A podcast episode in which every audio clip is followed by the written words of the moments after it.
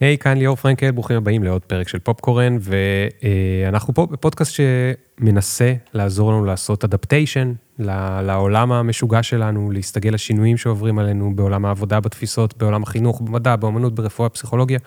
בכל מקום שאנחנו מסתכלים, אה, אנחנו רואים המון דברים שמשתנים בזמן האחרון, ואנחנו רוצים לדעת איך אנחנו יכולים ליהנות אה, ולא להיבהל מהשינויים האלה.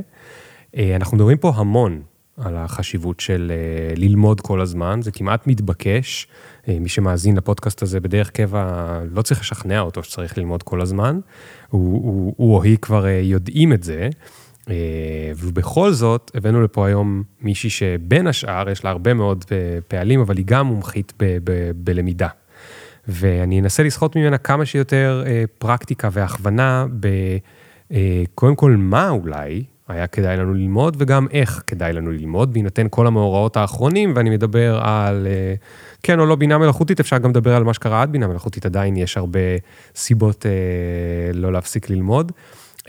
וגם, אני רוצה לדבר איתה על דווקא איך אפשר ללמוד את הדברים שהם הכי פחות, נקרא לזה, אנחנו הכי פחות מורגלים ללמוד אותם, כי אין אותם כמקצוע באוניברסיטה, אז אני לא נדבר יותר מדי על ללמוד תכנות או עיצוב או שיווק, אלא הדברים הרכים, נגיד תקשורת בין אישית, או יצירתיות, או חשיבה ביקורתית, או, או כל הדברים האלה, איך לגשת לזה, איך להתמיד, איך לתקוף. אה, עם הבינה המלאכותית, אני כן אשמח רגע לשמוע את דעתה אה, לא שמישהו מאיתנו יודע, אבל אולי היא יודעת קצת, יש לה איזושהי דעה אה, אה, מושכלת.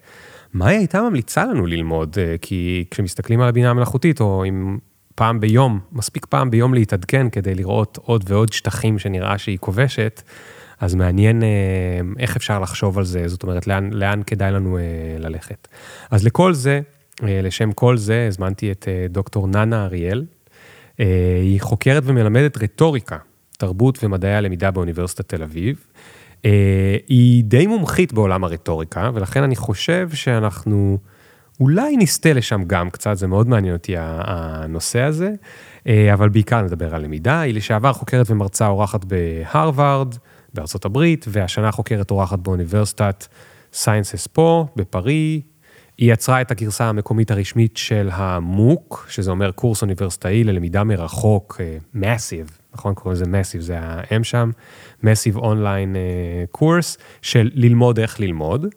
Uh, מאמרים שלה הופיעו במגזינים, uh, כתבי עת בינלאומיים, וגם היא חיברה ספר ילדים, שנקרא הספר הכי משעמם בעולם, שקשור כנראה לזה שכדאי לנו קצת יותר להשתעמם ולבהות.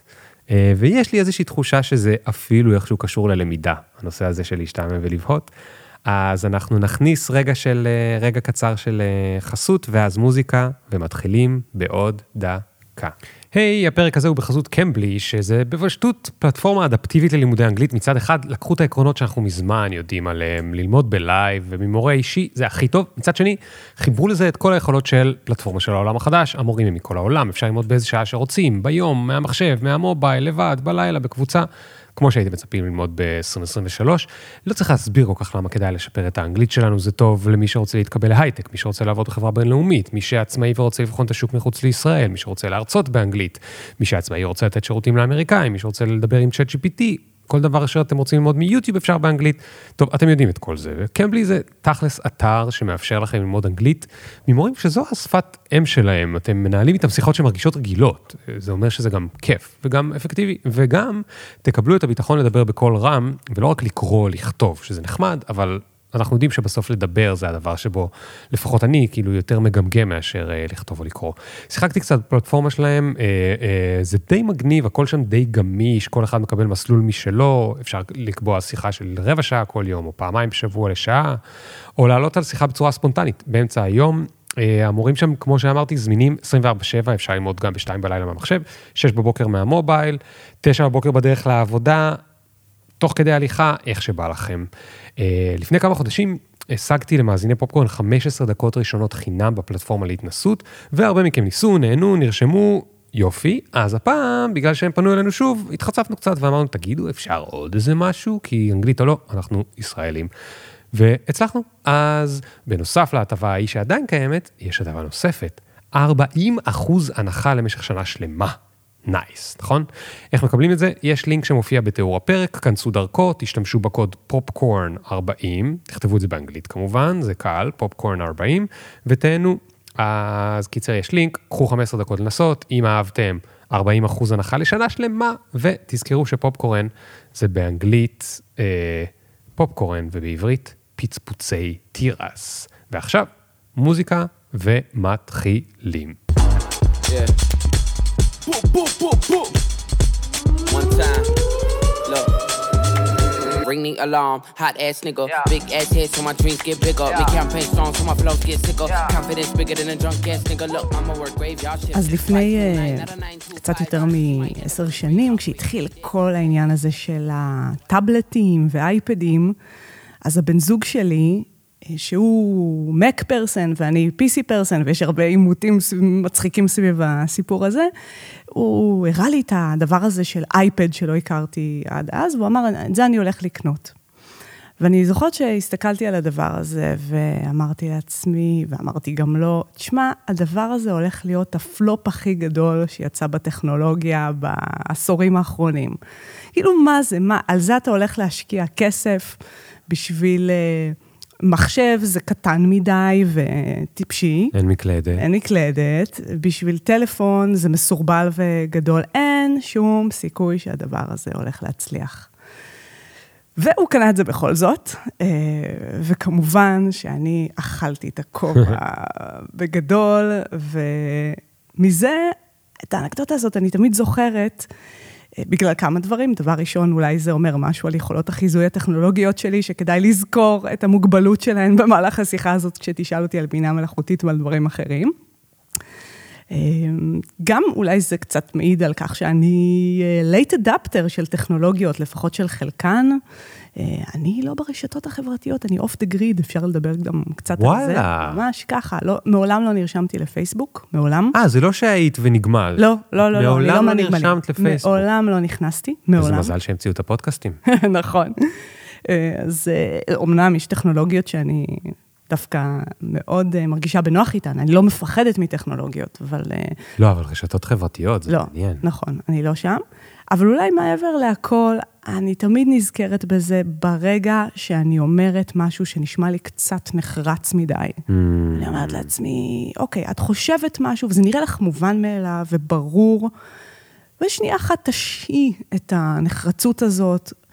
אה, מה, מה את באמת יודעת? האם יש לך מספיק ידע כדי להגיד משהו כל כך נחרץ? ואתה יודע, זה אחד הדברים שאני אוהבת בהוראה, הוראה ו- ולמידה יחד עם, עם תלמידים. זאת אומרת, לא רק אה, להעביר איזה, איזה ידע שהוא תורה, תורה מסיני, אלא ללמוד יחד בצורה גמישה, וגם להרוויח מצורת החשיבה של אחרים. ותמיד כן. אני מאוד מאוד חשדנית כשיש כל מיני גורואים ואנשים ש... אבל רגע, ננה, שהם יודעים, כן. את נגעת לי בנקודה. זה הולך ככה. מצד אחד, את uh, באוניברסיטה. אין גדולים מפרופסורים uh, uh, ודוקטורים שכותבים את משנתם, והם אומרים אולי משהו נחרץ, אבל יש 14 אלף פוטנוטס. זאת אומרת, זה אולי וגם בהינתן ש... וזה, והם מאוד מאוד זהירים, והם גם רוצים לדייק, והדיוק הוא דורש הרבה מאוד פוטנוטים וכולי וכולי וכולי. ובאותו זמן, את אה, אה, מומחית וידענית בעולם הרטוריקה. ואני, כל השנים, נקרע בין הצדדים. יש לי את הסריטה שלי מהתואר השני ב... במכון כהן, בהיסטוריה פילוסופיה, ששם לימדו אותי לכתוב עם כל הפוטנוטס וכל הזה, ולא להגיד שום דבר באמת נחרץ מדי, מדי, מדי, מדי. ואז כשהתחלתי לכתוב, נגיד בבלוגים וכולי, גיליתי עם הזמן שהכתיבה שהיא כל הזמן מתנצלת ולא בטוחה, היא לא טובה רטורית. אז איך את מחברת, אה, זאת אומרת, איך מחברים את, ה, את הדברים, ואולי אני מדבר שטויות לגבי הרטוריקה. תשמע, דבר ראשון, אולי בוא נגיד מה זה רטוריקה, זה קצת יעזור לנו להיכנס לזה. כי אתה אומר, רטוריקה זה נגיד כתיבה מסוימת, ולא, ולא כתיבה אחרת, אבל רטוריקה, בוא נגיד, זה התחיל ביוון העתיקה, זה תורה מאוד מאוד עתיקה שמתחילה במאה הרביעית לפני הספירה מתחילים לפחות לדבר עליה, ובמקור זה תורת הנאום, ואחר כך אולי נגדיר את זה כתורת השכנוע, אבל בהגדרה הרחבה יותר ש...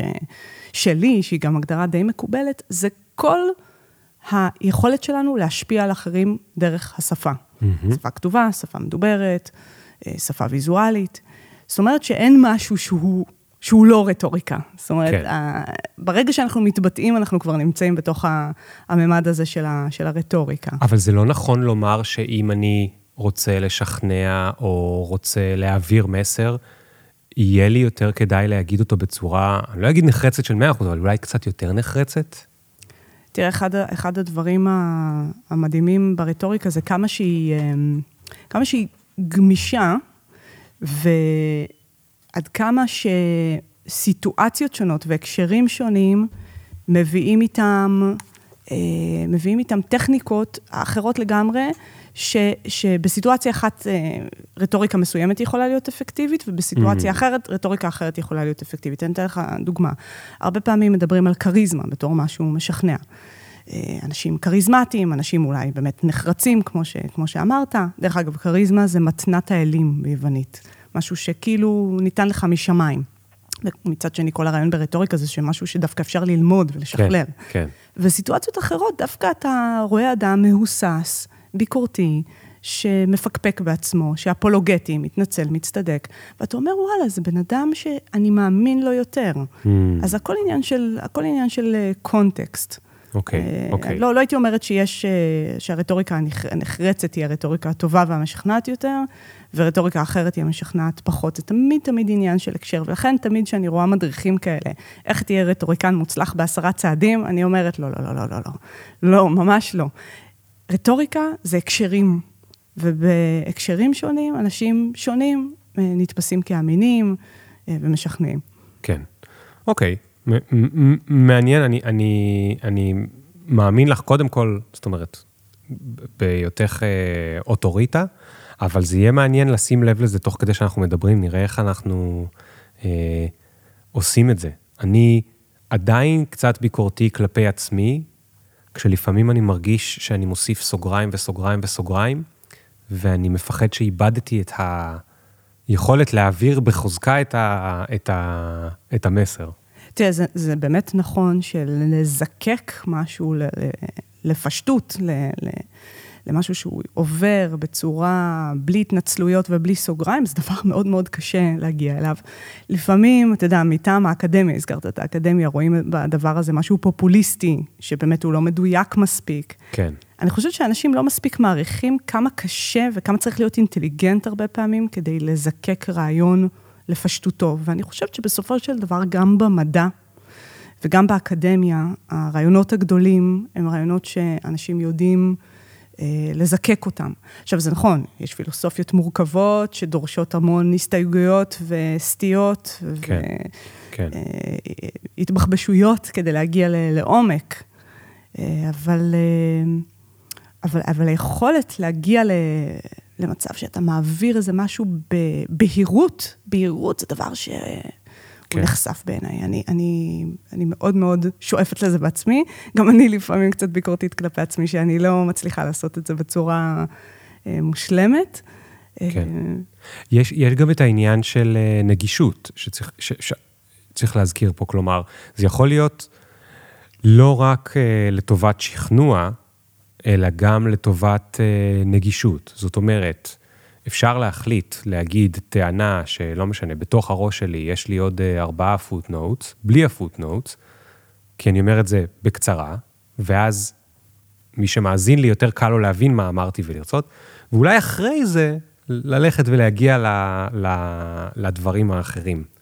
תשמע, יש פה איזה גבול דק כזה, כי מצד אחד, בסוגים מסוימים של, נגיד, של talks, אה, של, של נאומים, אתה אומר, אתה לא רוצה עכשיו, אם, אם הבן אדם יעביר לי עכשיו את כל הידע שיש לו, כולל ה footnotes, אז זה מאוד מאוד יתארך, זה יהפוך להיות מאוד מאוד נהגי, אבל פשוט לא נצליח לה, להקשיב. כן, לעקוב. לא, ולא נצליח לזכור. העניין של זיכרון הוא מאוד חשוב, מה הופך משהו לזכיר. Mm. זאת אומרת, אה, זה, זה, התפיסה היוונית הייתה שהבן אדם גם מדבר בעל פה, כן? בלי, בלי דפים, לא כדי שהוא, לא רק כי אין דפים בתור התחלה, כי זו תרבות אוראלית ביוון העתיקה, אה, ולא רק כדי שהוא יזכור, אלא גם שהוא יהפוך משהו, אם הוא זוכר, אז גם הוא יצליח אולי להפוך את זה לזכיר עבור המאזינים שלו. מצד שני, אנחנו לא רוצים להגיע למצב כזה של רטוריקה פופוליסטית, שמוותרת על כל המורכבות בשם התאמה לאיזה קהל מדומיין, שנדמה לנו אולי שהוא פחות uh, קולט, או פחות uh, יודע להכיל מורכבות. אני, ההנחה שלי בדרך כלל כשאני מדברת עם אנשים זה שהם אינטליגנטים, ושאפשר... Uh, אפשר אה, להכניס דקויות ולא כן. לרדד בשביל איזה מישהו שאני מדמיינת שהוא לא, לא מבין. כן. ותשמע, זה קשור גם לתקופה ההיסטורית שאנחנו חיים בתוכה, זו mm-hmm. תקופה של פופוליזם. Mm-hmm. אספר לך רגע, סיפורון. אה, בשנת 2016 טראמפ נבחר, ועשה מהפך בתפיסה של הרטוריקה בזירה הציבורית. אני באותה שנה הייתי אה, חוקרת אורחת באוניברסיטת הרווארד בארצות הברית, והיה לילה כזה, הלילה שהוא נבחר, ועד מאוחר בלילה לא ידעו עדיין מי, מי ייבחר לנשיאות, זה היה מול הילרי קלינטון, כן? והתעוררנו בבוקר, וטראמפ, טראמפ נבחר. ואני זוכרת, האזור שם של קיימברידג', הרווארד, זה אזור מאוד מאוד ליברלי. והיה שם אבל מאוד מאוד גדול, אני זוכרת mm-hmm. שהלכתי לגן של הבת שלי באותו בוקר, וכולן בכו. ואחר כך הלכתי לאוניברסיטה, ויתרתי על כל מה שהיה לי לעשות באותו יום. הלכתי לבניין של בית הספר לממשל, בית ספר קנדי, וראיתי שם משהו אה, שהיה נורא מצחיק. הייתה אמורה להיות חגיגה, כי כולם חשבו ש, שקלינטון אה, תזכה, וזה כמו חגיגה שאף אחד לא הגיע. זאת אומרת, היו בלונים כאלה שתקועים על התקרה, שהיו אמורים ליפול ברגע שיכריזו על הנשיאות שלה, והם נשארו תקועים על התקרה. וואו. היו קפקייקים עם צבעי ארצות הברית, כיבוד שאף אחד לא אכל, ממש כאילו מסיבה מיותמת. מסיבת רפאים. רפאים. והיה שם אה, ממש המולה, והדקן שם בא ואמר, זה יום שחור, ואני זוכרת שהסתכלתי על זה קצת, קצת מבחוץ, לא, לא כי חשבתי, לא כי תמכתי בטראמפ בשום צורה, אלא כי הסתכלתי רגע על התגובה של, אה, של מי שהיה שם, ואמרתי לעצמי, משהו מהותי ברטוריקה השתנה. כי אם אדם שמשתמש בטיעונים פופוליסטיים, וכידוע גם בהרבה מאוד אה, אמיתות מסולפות או, או שקרים, כן? זאת אומרת, אה, שפתח את עידן הפוסט-אמת והפייק ניוז והעובדות האלטרנטיביות, כמו שאומרים, כן. אם זה מה שעבד בסופו של דבר, ואם ככה אדם מגיע ל... להיות נשיא ארצות הברית. מה אנחנו צריכים לעשות? האם אנחנו צריכים להגיד, אוקיי, אז האסטרטגיה שלנו עכשיו צריכה להיות לאמץ את אותה רטוריקה פופוליסטית כדי mm-hmm. לנצח וכדי. להגיע, ל- לתת fight, כן, ולתת, אה, אה, להגיע להישג דומה, או שלהתעקש ולהגיד, לא, אנחנו בשום פנים ואופן לא נאמץ את האסטרטגיה הזאת ונתעקש על אמיתות, על טיעונים טובים ומעמיקים, אה, ו... נסמוך על זה שיהיה backlash ושבסופו של דבר זה מה שיעבוד, או כן. שנסתכן בזה שזה לא יעבוד. כן. אבל זה יצר קונפליקט מאוד מאוד גדול בתחום הזה של הרטוריקה. רגע, והגעת למסקנה? לא, זה משהו שאני מתחבטת בו יום-יום. אני מלמדת גם סדנאות ברטוריקה מעשית באוניברסיטה. Mm. לא, אני גם מלמדת גם uh, רטוריקה תיאורטית מיוון ועד היום, מבוא לרטוריקה ודברים כן, כאלה. כן, כן. אבל גם, uh, גם סדנאות מעשיות, ואני תמיד תמיד שואלת את עצמי, um, עד כמה להתעקש על הרטוריקה הטובה, כן, ההוגנת, כן. על הטיעונים הטובים. בינתיים, התשובה שאני נותנת לעצמי זה לא לוותר על זה. זאת אומרת, לא לוותר על זה בתור התחלה, כי רטוריקה, וזה אולי עניין חשוב, היא לא רק צורת תקשורת שהמטרה שלה היא לשכנע צד אחר ולהמיר את דעתו, אלא היא גם צורת חשיבה. זה דרך לאמן את המחשבה. אה, מה זאת אומרת? זאת אומרת שברגע שאתה חושב על טיעונים, ואתה מאמץ טיעון, בונה טיעון, משיב לטיעונים פוטנציאליים של צד שני, אתה מפתח את היכולת שלך לחשוב בצורה ביקורתית. כן. או, את היכולת, או את היכולת שלך לחשוב, לחשוב בצורה ביקורתית. כן. זאת אומרת, זה, זה לא רק למטרה של המרת הדעה של הצד השני, אלא יש לזה מטרה ש, שהיא אינטלקטואלית, והיא כן. מפתחת את החשיבה. גם בעניינים שהם לא העניין שעליו כרגע אנחנו נניח מדברים ומפתחים טיעון. כן. אגב, יש, יש פה גם הנחה של חוקי משחק ש, שמוכנים לשחק בהם. זאת אומרת, נגיד, להגיד אמת או לנסות ל, ל, ל, להשתמש בעובדות כדי להוכיח משהו, זה הנחת משחק שהיא יכול להיות ירדה או נחלשה, ועדיין יש משחק, אוקיי? ואני חושב שיש עוד הנחת משחק, שהיא, אה, שעבורה אולי לא צריך חשיבה ביקורתית, אלא אפשר לעשות אה, אה, טריק אחר שאני, שראיתי ברטוריקה של אה, טראמפ או, או אחרים, שהיא פשוט, אני שומע את השאלה ואני עונה על מה שבא לי. זאת אומרת, אני עונה על משהו אחר, אני לא צריך עכשיו למצוא איך ל, ל, למצוא את ה... כמו ב debate טוב, את ה... לטעון חזרה, אלא אני פשוט עושה כאילו שאלו אותי משהו אחר ואני מדבר על מה שלי בא. אני פשוט דוחף את האג'נדה שלי בדרך אחרת. זהו, אז כן, יש משפחה שלמה כזאת שאנחנו קוראים לה כשלים, fallacies ברטוריקה, שזה כל מיני טריקים, שחלקם לפחות הם טריקים של הסחות דעת, למיניהם. ואחד מהם זה הדבר הזה שאתה מציין אותו עכשיו, שקוראים לו רד הרינג, שזה בעצם להכניס איזשהו משהו שלא קשור בכלל לדיון ולהסיט אותו לכיוון אחר, באמת טראמפ עושה את זה הרבה, אבל חייבים להגיד, הרבה אחרים עושים את זה. זה טראמפ הוא לא היחיד נכון, שמשתמש נכון, נכון, נכון. בכשלים, לא היחיד שמשתמש בהסחות דעת למיניהם, כמו אד הומינם למשל, זה אחד הידועים, להתייחס לטוען במקום להתייחס לטיעון שלו. כן. זה משהו מאוד מאוד נפוץ, כן. בשמאל, בימין. אה, זה חוצה מחנות פוליטיים, השימוש בטריקים כן. האלה. אגב, הדבר שהרגע תהיה, אה, אה, אני רוצה לרגע לעשות, איך אומרים, וידוי קטן. אני כל הזמן חושב על זה שאת לא ברשתות החברתיות. עכשיו, הרשתות החברתיות זה כר מצוין לאנשים להתאמן על רטוריקה, לטובה ולרעה. הרבה גם לרעה, אבל גם לטובה. ופתאום תיארת את האד הומינם, ונזכרתי ש... פעם, כשהייתי חדש בפייסבוק, שזה ממש לפני מלא שנים, כמעט 20 שנה או 18-17 שנים, אז אני הייתי, הרבה, הייתי עוד הרבה יותר נכנס לוויכוחים מאז היום, גם כי הייתי אדם הרבה יותר צעיר, והיה לי אנרגיה לעניינים האלה. ו, ואז הרבה פעמים זה מה שהייתי עושה. זאת אומרת, הייתי נופל לשם, ופתאום במקום לדבר על זה, הייתי מדבר על הבן אדם. ואז עברתי איזושהי אבולוציה. עכשיו, אני חושב שלא רק אני, הרבה אנשים ברשתות החברתיות, מה שקרה, זה שהם התחילו להתעסק ברטוריקה, בעוד שבחיים האמיתיים עשו את זה הרבה פחות, ברשת החברתית זה כאילו, יש לך את כל הוויכוח כתוב לפניך, זה לא רק בעל פה, ואז את, את יודעת, זה לטובה ולרעה, לרעה כי אתה יכול לחזור ולהתעצבן עוד פעם עם משהו, ואיך אני אענה לו, ואיך אני אגיד לו, ומה אני אגיד לו, ואפשר למחוק, אפשר לעשות אדיט, אתה יכול to edit your comment. זאת אומרת, זה מכניס כאילו אה, משחקים חדשים, ואז הרבה אנשים, או לפחות אני, אבל אני בטוח שהרבה אנשים עברו את האבולוציה הזו, שבהתחלה לי, אולי לנסות טריקים מלוכלכים, מתוך דפנסיביות. זאת אומרת, זה התחיל מדפנסיביות, למרות שזה נראה הפוך. וזה היה מין, אוקיי, אני אגיד משהו עליו. ואז לגלות לזה מודעות, היי, אני לא מתווכח כמו שצריך, אני ירדתי, ירדתי בר, ברמה, או כאילו נגיד את זה בסלנג, ואז לנסות לעבור למשהו אחר.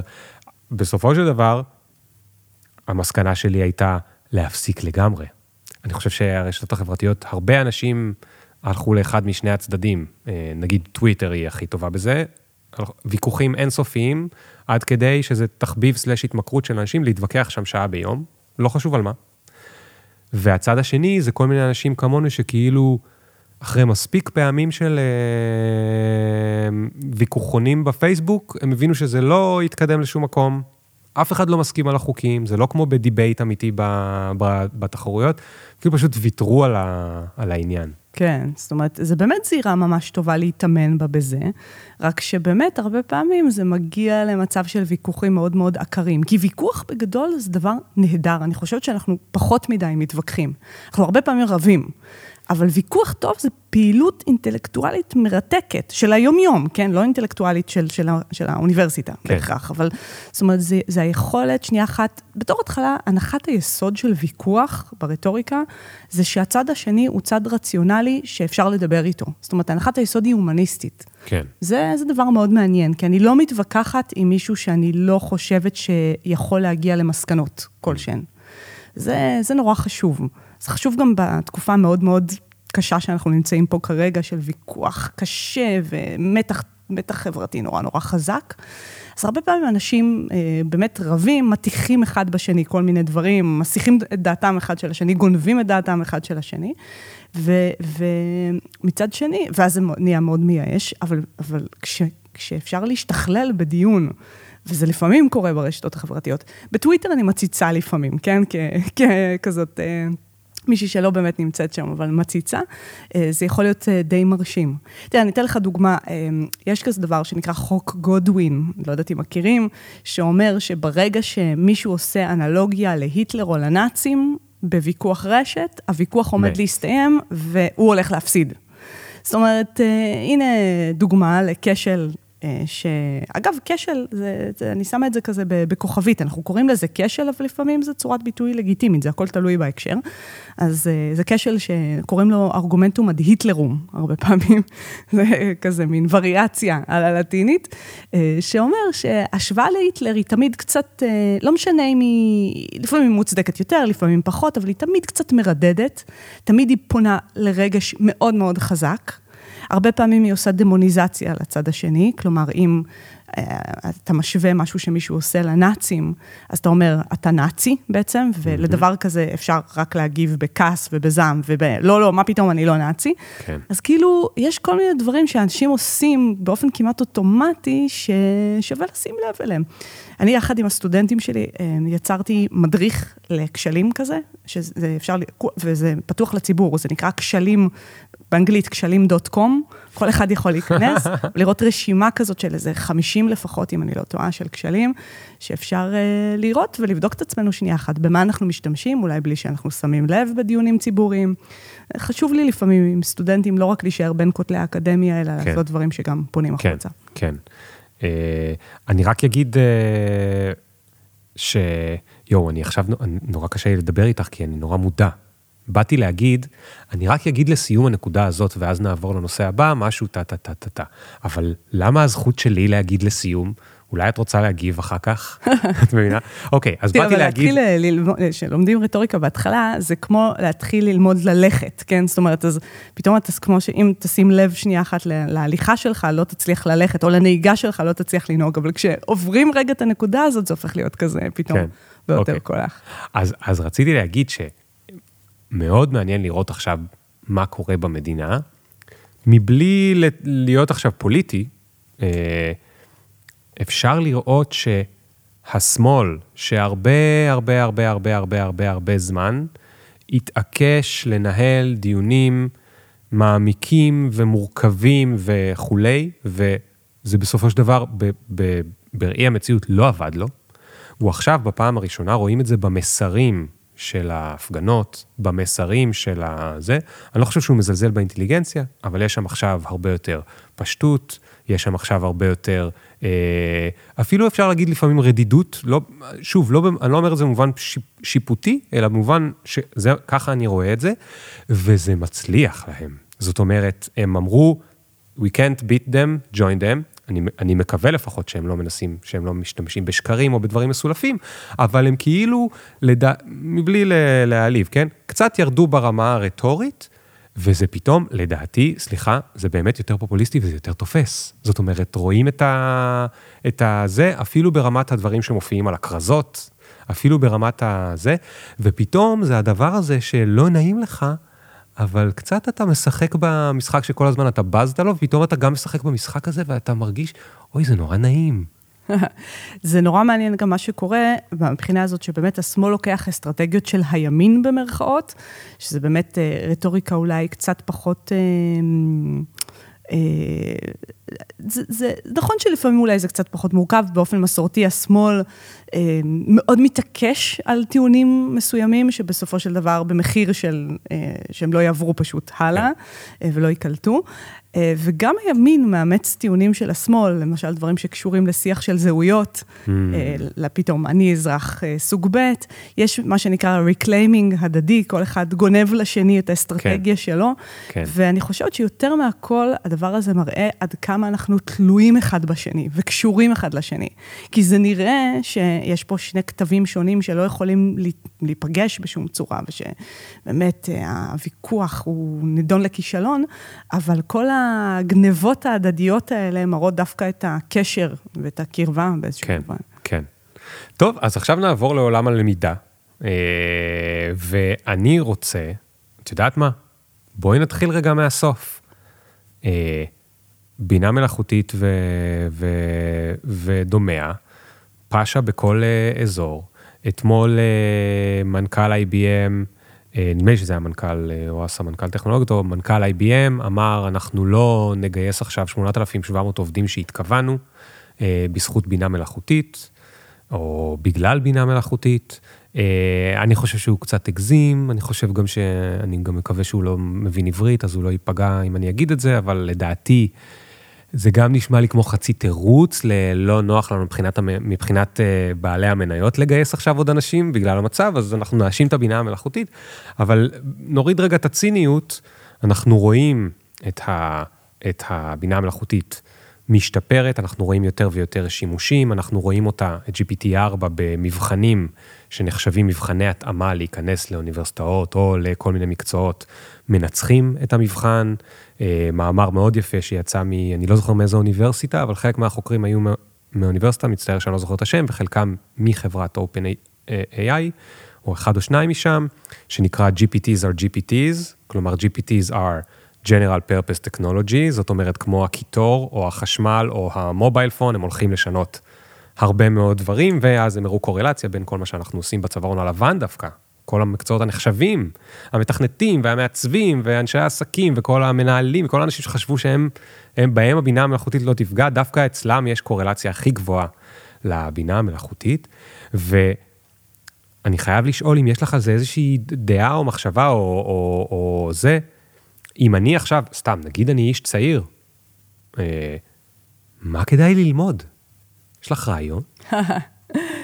אה, טוב, בוא נזכור את, אה, את סיפור האייפד. אני לא, להתנבא בעניינים טכנולוגיים, אולי לא כדאי אה, לסמוך על, על דעתי, אבל בכלל הנבואה ניתנה לשוטים, וכל העניין ב-AI, לעומת אולי טכנולוגיות אחרות, שגם הן תמיד, באופן מסורתי, אם זה הקיטור או כל דבר אחר, תמיד קשה לצפות את האדוות שלהם, את התוצאות שלהם הבלתי צפויות, אז על אחת כמה וכמה ב-AI, שהיא משהו שיוצר את עצמו, ושההתקדמות בו היא כל כך כל כך מהירה. אז אני, אני לא, לא הייתי ממהרת כל כך להגיד, אה, אתה יודע, מקצועות כאלה לא ומקצועות כאלה כן. אה, ו- ואולי נלך למשהו שהוא קצת יותר בסיסי שקשור ללמידה, וזה שאדם צריך בתור התחלה לחשוב על ללמוד משהו שמאוד מאוד מעניין ומסקרן אותו. זה, זה בתור התחלה. סקרנות זה דבר מאוד מאוד מרכזי בלמידה, אחת הטכניקות של, הכי בסיסיות של למידה. ואני לא חושבת שזו סיבה מספיק טובה עכשיו לעשות ספקולציות על מה יהיה בשוק העבודה של מחר וללמוד משהו שהוא מנוגד למה שמסקרן אותי כן. רק בגלל הדבר הזה.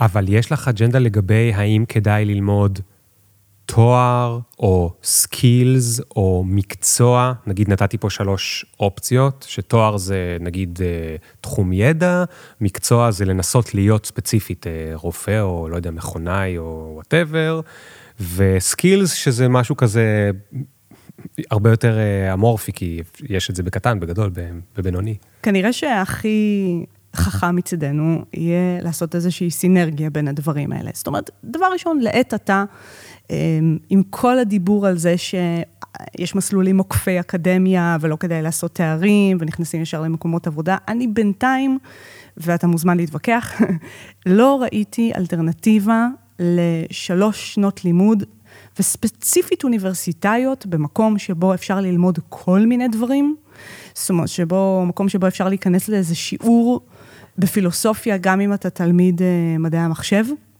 או אם פתאום עכשיו את, אה, את לומדת היסטוריה ואת אה, נורא מתעניינת בארכיאולוגיה או בביולוגיה, את יכולה פשוט להיכנס ו- וללמוד. אז דבר הזה, העושר הזה, הלמידה לשמה, בתור התחלה, עזוב, לשמה, לא לשם שוק העבודה של מחר. אנחנו הרבה פעמים חושבים בצורה מאוד תועלתנית, אני מבינה את זה, אני לא מזלזלת בזה חלילה, אבל אה, כמו שאמר הפילוסוף ג'ון דוי, הפילוסוף, הפילוסוף של החינוך, הלמידה היא היעד. הלמידה היא לא הדרך לאנשהו, היא היעד. והרעיון הזה של אפשרות ללמוד לשמה הוא בעיניי מאוד מאוד חשוב. אה, ו- והרבה פעמים אנחנו קצת, אה, קצת, קצת מפספסים את הדבר הזה. אתה יודע, יש עכשיו ויכוח נורא גדול, דתיים, חילוניים, אנחנו רוצים שהדתיים יהיו יותר כמו החילוניים, הרבה פעמים אנחנו אומרים... על לימודי ליבה? כן, אנחנו אומרים, בואו תלמדו לימודי ליבה, אה, ואולי בדבר מסוים אנחנו צריכים להיות קצת יותר כמו החרדים. כלומר, אולי אנחנו דווקא צריכים לשקול את הרעיון הזה של שנות לימוד לא מועטות שמוקדשות ללמידה לשמה, לא לשם שוק העבודה, לא כדי לצאת אחר כך. עכשיו, הכל במינון, כן? זאת אומרת, כן. אם אנחנו מדברים על משהו שהוא לגמרי ממוטט את שוק, שוק העבודה, או משהו שהוא מיועד רק לגברים ולא לנשים, זה כבר בעיה. אבל הרעיון הזה של עצם הלמידה לשם למידה הוא, הוא חשוב בעיניי. כן. ובתוך זה אין שום ספק שהאוניברסיטאות צריכות גם ללמד דברים שהן לא לימדו בעבר. אני רואה את השינוי הזה בשטח. אני חייבת להגיד לך, עד לפני כמה שנים, אני חושבת שאפילו, נגיד, ארבע שנים, עד לפני הקורונה, בתקופת ה-BC, כמו שנקרא, before קורונה, אה, באוניברסיטה כמעט לא דיברו על למידה. עצם הרעיון הזה של לדבר על למידה והוראה, זה היה הדבר הזה שבשוליים, שחוקרים לא אמורים להתעסק בו. והיום זה שיחת היום.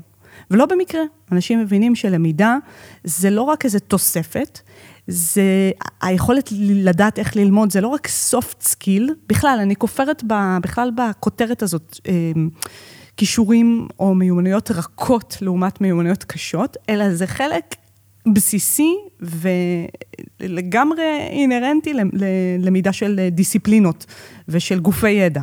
כן. אוקיי, אז כאילו, אז ברור שצריך ללמוד בנוסף לתואר גם, גם איזה שהם סקילס חדשים, שיעזרו לנו קצת יותר לדעת איך ללמוד. כן. אמ, אבל אולי, אתה יודע, אני אוסיף לזה, אנחנו כל הזמן מדברים על הרעיון הזה של להסתגל, להסתגל לעולם החדש. והרבה פעמים בשיח הזה אני מרגישה שאנחנו מדברים על איזשהו עולם שאנחנו מדמיינים, או חושבים, או עושים ספקולציה לגבי מה שהוא יהיה, ושוכחים שהעולם הזה הוא בעצם אוסף הפעולות שנעשה אה, עכשיו, הן אלה שיובילו לעולם החדש הזה שאנחנו מדמיינים אותו. זאת אומרת, הרעיון הוא לא כל כך בעיניי לחשוב על הסתגלות לאיזה עולם שאני מדמיינת שיהיה, אלא לפעול כדי זה קצת קלישה, כן? כדי ליצור את העולם שאני רוצה שיהיה.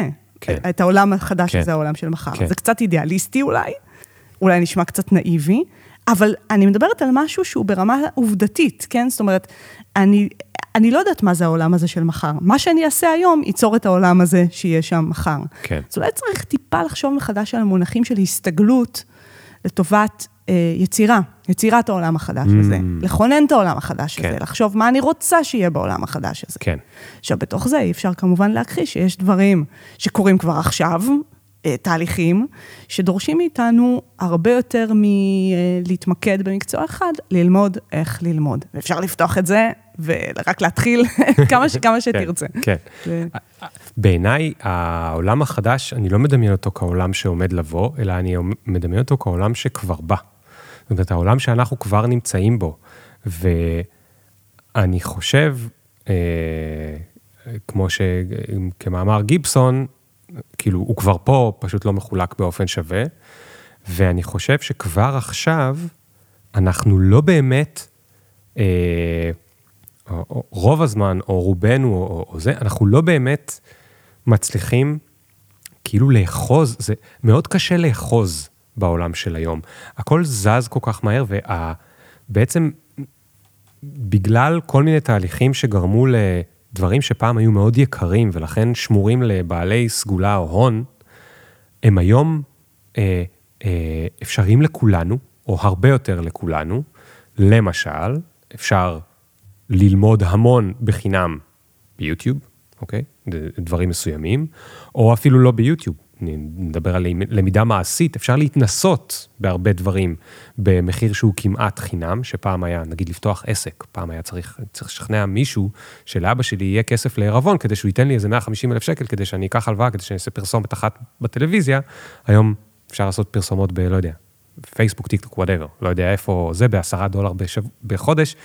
זאת אומרת, דווקא קרה, קרה תהליך חיובי, שבו נפתחו לנו הרבה יותר אופציות, ואנחנו קצת, אנחנו, לא קצת, אנחנו הרבה יותר אבודים בתוך זה, כי אנחנו כבר לא יודעים במה לבחור, ואם הייתי צריך לדבר על זה בצורה שלילית, אנחנו כל הזמן מרגישים הרבה FOMO. זאת אומרת, אני מניח שגם את, את עוסקת בכמה וכמה וכמה תחומים, את מודעת לזה שפוטנציאלית יכולת לעסוק בכנראה עוד חמישה, ואולי בשניים מהם יכולת גם להיות ממש ממש ממש טובה, ואת ביכול להיות לפעמים, אני סתם עכשיו מדמיין, ואת, או שאני אדבר על עצמי, אוקיי? אני יכול לפעמים לתהות האם עדיף לי עכשיו להשקיע עוד חמש שנים במשהו ולהעמיק בו עוד הרבה, או שרגע, אולי בחמש שנים האלה אני יכול להיכנס לתחום לגמרי אה, אה, חדש. ו- ואני חושב שהמקום שה- הזה נוגע חזק בלמידה. כי, אה, את יודעת, כבר זרקתי את זה, זרקתי יוטיוב, ואת זרקת אקדמיה, אז בואו נדבר רגע על למידה עמוקה לעומת אה, למידה רדודה. יש דבר כזה בעינייך, או איך את היית מודדת את זה? תראה, לגבי העניין הזה של התמחות לעומת התפזרות, זה, זה הדבר שהעלית כאן. אני חושבת שאין ממש סתירה בין הדברים. ושיש אפשרות uh, להתמחות ולהתעמק במשהו, ובו בזמן להיות בין-תחומי בגישה שלך כלפי הדבר הזה, שזה משהו שהעולם החדש הזה מאוד מאוד דורש. ולהיות בין-תחומי זה לאו דווקא אומר להתפזר על תחומים שונים, אלא להבין שבכל דבר שאני עוסקת יש אין סוף אספקטים. אז נגיד, אם אני מתעסקת, אה, אם אני לומדת פייתון, אז אה, יש את ההיבט המתמטי, אבל חשוב, ואולי כדאי שאני אסתקרן גם מההיבט האתי, ומההיבטים של היישומים האפשריים של, ה, של התוכנה, וזה יאפשר לי אולי אה, להתגמש יותר ולסגל לעצמי איזושהי גמישות שתוכל לאפשר לי לפלס דרך קצת יותר, בצורה יותר מורכבת. אז, אז זה לא בהכרח להגיד, אוקיי, אני לא, לא אתמחה ואני אתפזר ואני אה, כזה אפזר את הביצים שלי בהרבה הרבה סלים, כדי שאם משהו ייפול בגלל AI או בגלל סיבה אחרת, אז יהיה לי פלן B, אלא זה ההפך. זה לסגל לעצמנו חשיבה יותר מורכבת על אותו דבר ש, שאנחנו מתעסקים בו. Mm. עכשיו, מה זה עוד דורש החשיבה הרב-תחומית הזאת? היא דורשת, אה, בתור התחלה, אה, גמישות מחשבתית וסקרנות. בוא, אולי נגיד שנייה, מה זה הסקרנות הזאת? כי סקרנות זה משהו שאנחנו, טייטל כזה שאנחנו אומרים, אבל לא תמיד יודעים מה זה. אז שווה אולי להגיד שסקרנות זה קצת אחר מלהתעניין במשהו. סקרנות ועניין זה שני דברים טיפה שונים. יש על זה מחקר מאוד מעניין. אה, מה זה עניין? להתעניין במשהו זה להתעניין במשהו ספציפי. זאת אומרת, אתה יודע שמעניין אותך, אני יודעת מה, אה, למידה, תחום הלמידה מעניין אותך, או אותי מעניין שפות.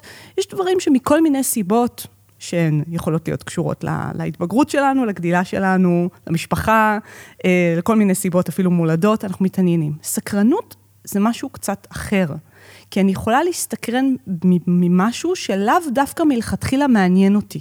Hmm. זה יכול להיות משהו שאפילו אפילו דוחה אותי, או אפילו מפחיד אותי, או אפילו אה, מרגיז אותי, או מתסכל אותי. והיכולת הזאת להיות סקרנים דורשת איזו פתיחות הרבה יותר גדולה. זאת אומרת, זה לא ללכת למה שכבר ממילא אני יודעת שמושך אותי, אלא להיות באיזו פתיחות, שמעתי שהיה לך פרק מאוד מעניין על serendipity, כן, הפתיחות הזאת למשהו בלתי צפוי אולי, שבעצם יוצר מצב שבו התמריץ שלי ללמידה הוא עצם הלמידה. זה סקרנות. סקרנות זה למידה שמניעה את עצמה. Hmm. עניין זה להיתפס למושא מסוים שאני, אותו, אותו ספציפית אה, נמשכת אליו. אז, אז... ו- ואם, אז רק אם לסיים את הרעיון הזה, הרעיון הזה של אני מתעמקת במשהו, אבל בו בזמן אני פוזלת כל הזמן להיבטים נוספים שלו, ולא פוסלת על הסף דברים שבמבט ראשון נראים לי לא קשורים אליי. Mm. זאת אומרת, זה קצת אה, קשור גם לאפשרות לחשוב על האני בצורה קצת יותר מורכבת. לא על מה שאני ממילא חושבת על עצמי, אלא לפתוח את עצמי לעוד אפשרויות ולעוד כיוונים חדשים, ולא לחסום, לא לחסום את הכיוונים האלה. עכשיו, אולי הפרדוקס קצת של הסקרנות, זה שיש דברים ש... אה, אני לא יודעת אם הם יעניינו אותי, אז, אז אני לא רוצה אולי להיכנס אליהם, אבל רק כשאני נכנסת מספיק עמוק למשהו, אני יודעת אם הוא מעניין אותי או לא. אז זאת אומרת... הוא מעניין או אם הוא מסקרן? אה, גם אם הוא מעניין וגם אם הוא, גם אם הוא מסקרן. יש דברים שבנקודת המוצא, אני, אתה יודע, אני, אני, לא, אני לא רוצה להיכנס אליהם כי הם לא מושכים אותי, ורק אם אני נותנת להם איזשהו מספיק צ'אנס, אני מגלה בסופו של דבר. כן. רוב הדברים, אני חייבת להגיד, רוב הדברים, כשנכנסים אליהם מספיק עמוק, יש בהם איזשהו נקודת עניין, מעצם העמקה. Mm. זה, קודם כל, זה מרתק אותי, ההבדלה פה שעשית בין השניים, אה, מעולם לא שמעתי על זה, ואני אני בטוח שהבנתי את עניין, אני חושב שהבנתי את סקרנות, אני לא סגור על זה. אני אשאל את זה דרך משהו שהוא אה, קונקרטי. נגיד שאני עובד בעבודה שאני לא אוהב, אוקיי? אין לי ברירה, אני עובד שם, בלית ברירה, נגיד שאין לי ברירה, אוקיי? אין לי, אני לא פריבילג ואין לי זה, אני צריך את הכסף, אני עובד שם, או ככה יצאו התנאים ואני עובד שם. אין לי בעבודה הזו עניין.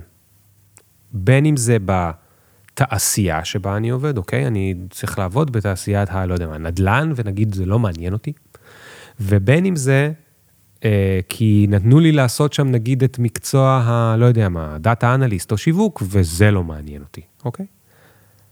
האם אני יכול למצוא שם סקרנות? או, או, או האם את אומרת, כאילו, אתה אולי לא מתעניין בזה, אבל אתה יכול לגלות שם סקרנות, ואז בסופו של דבר דווקא אתה תהנה מהלמידה של זה?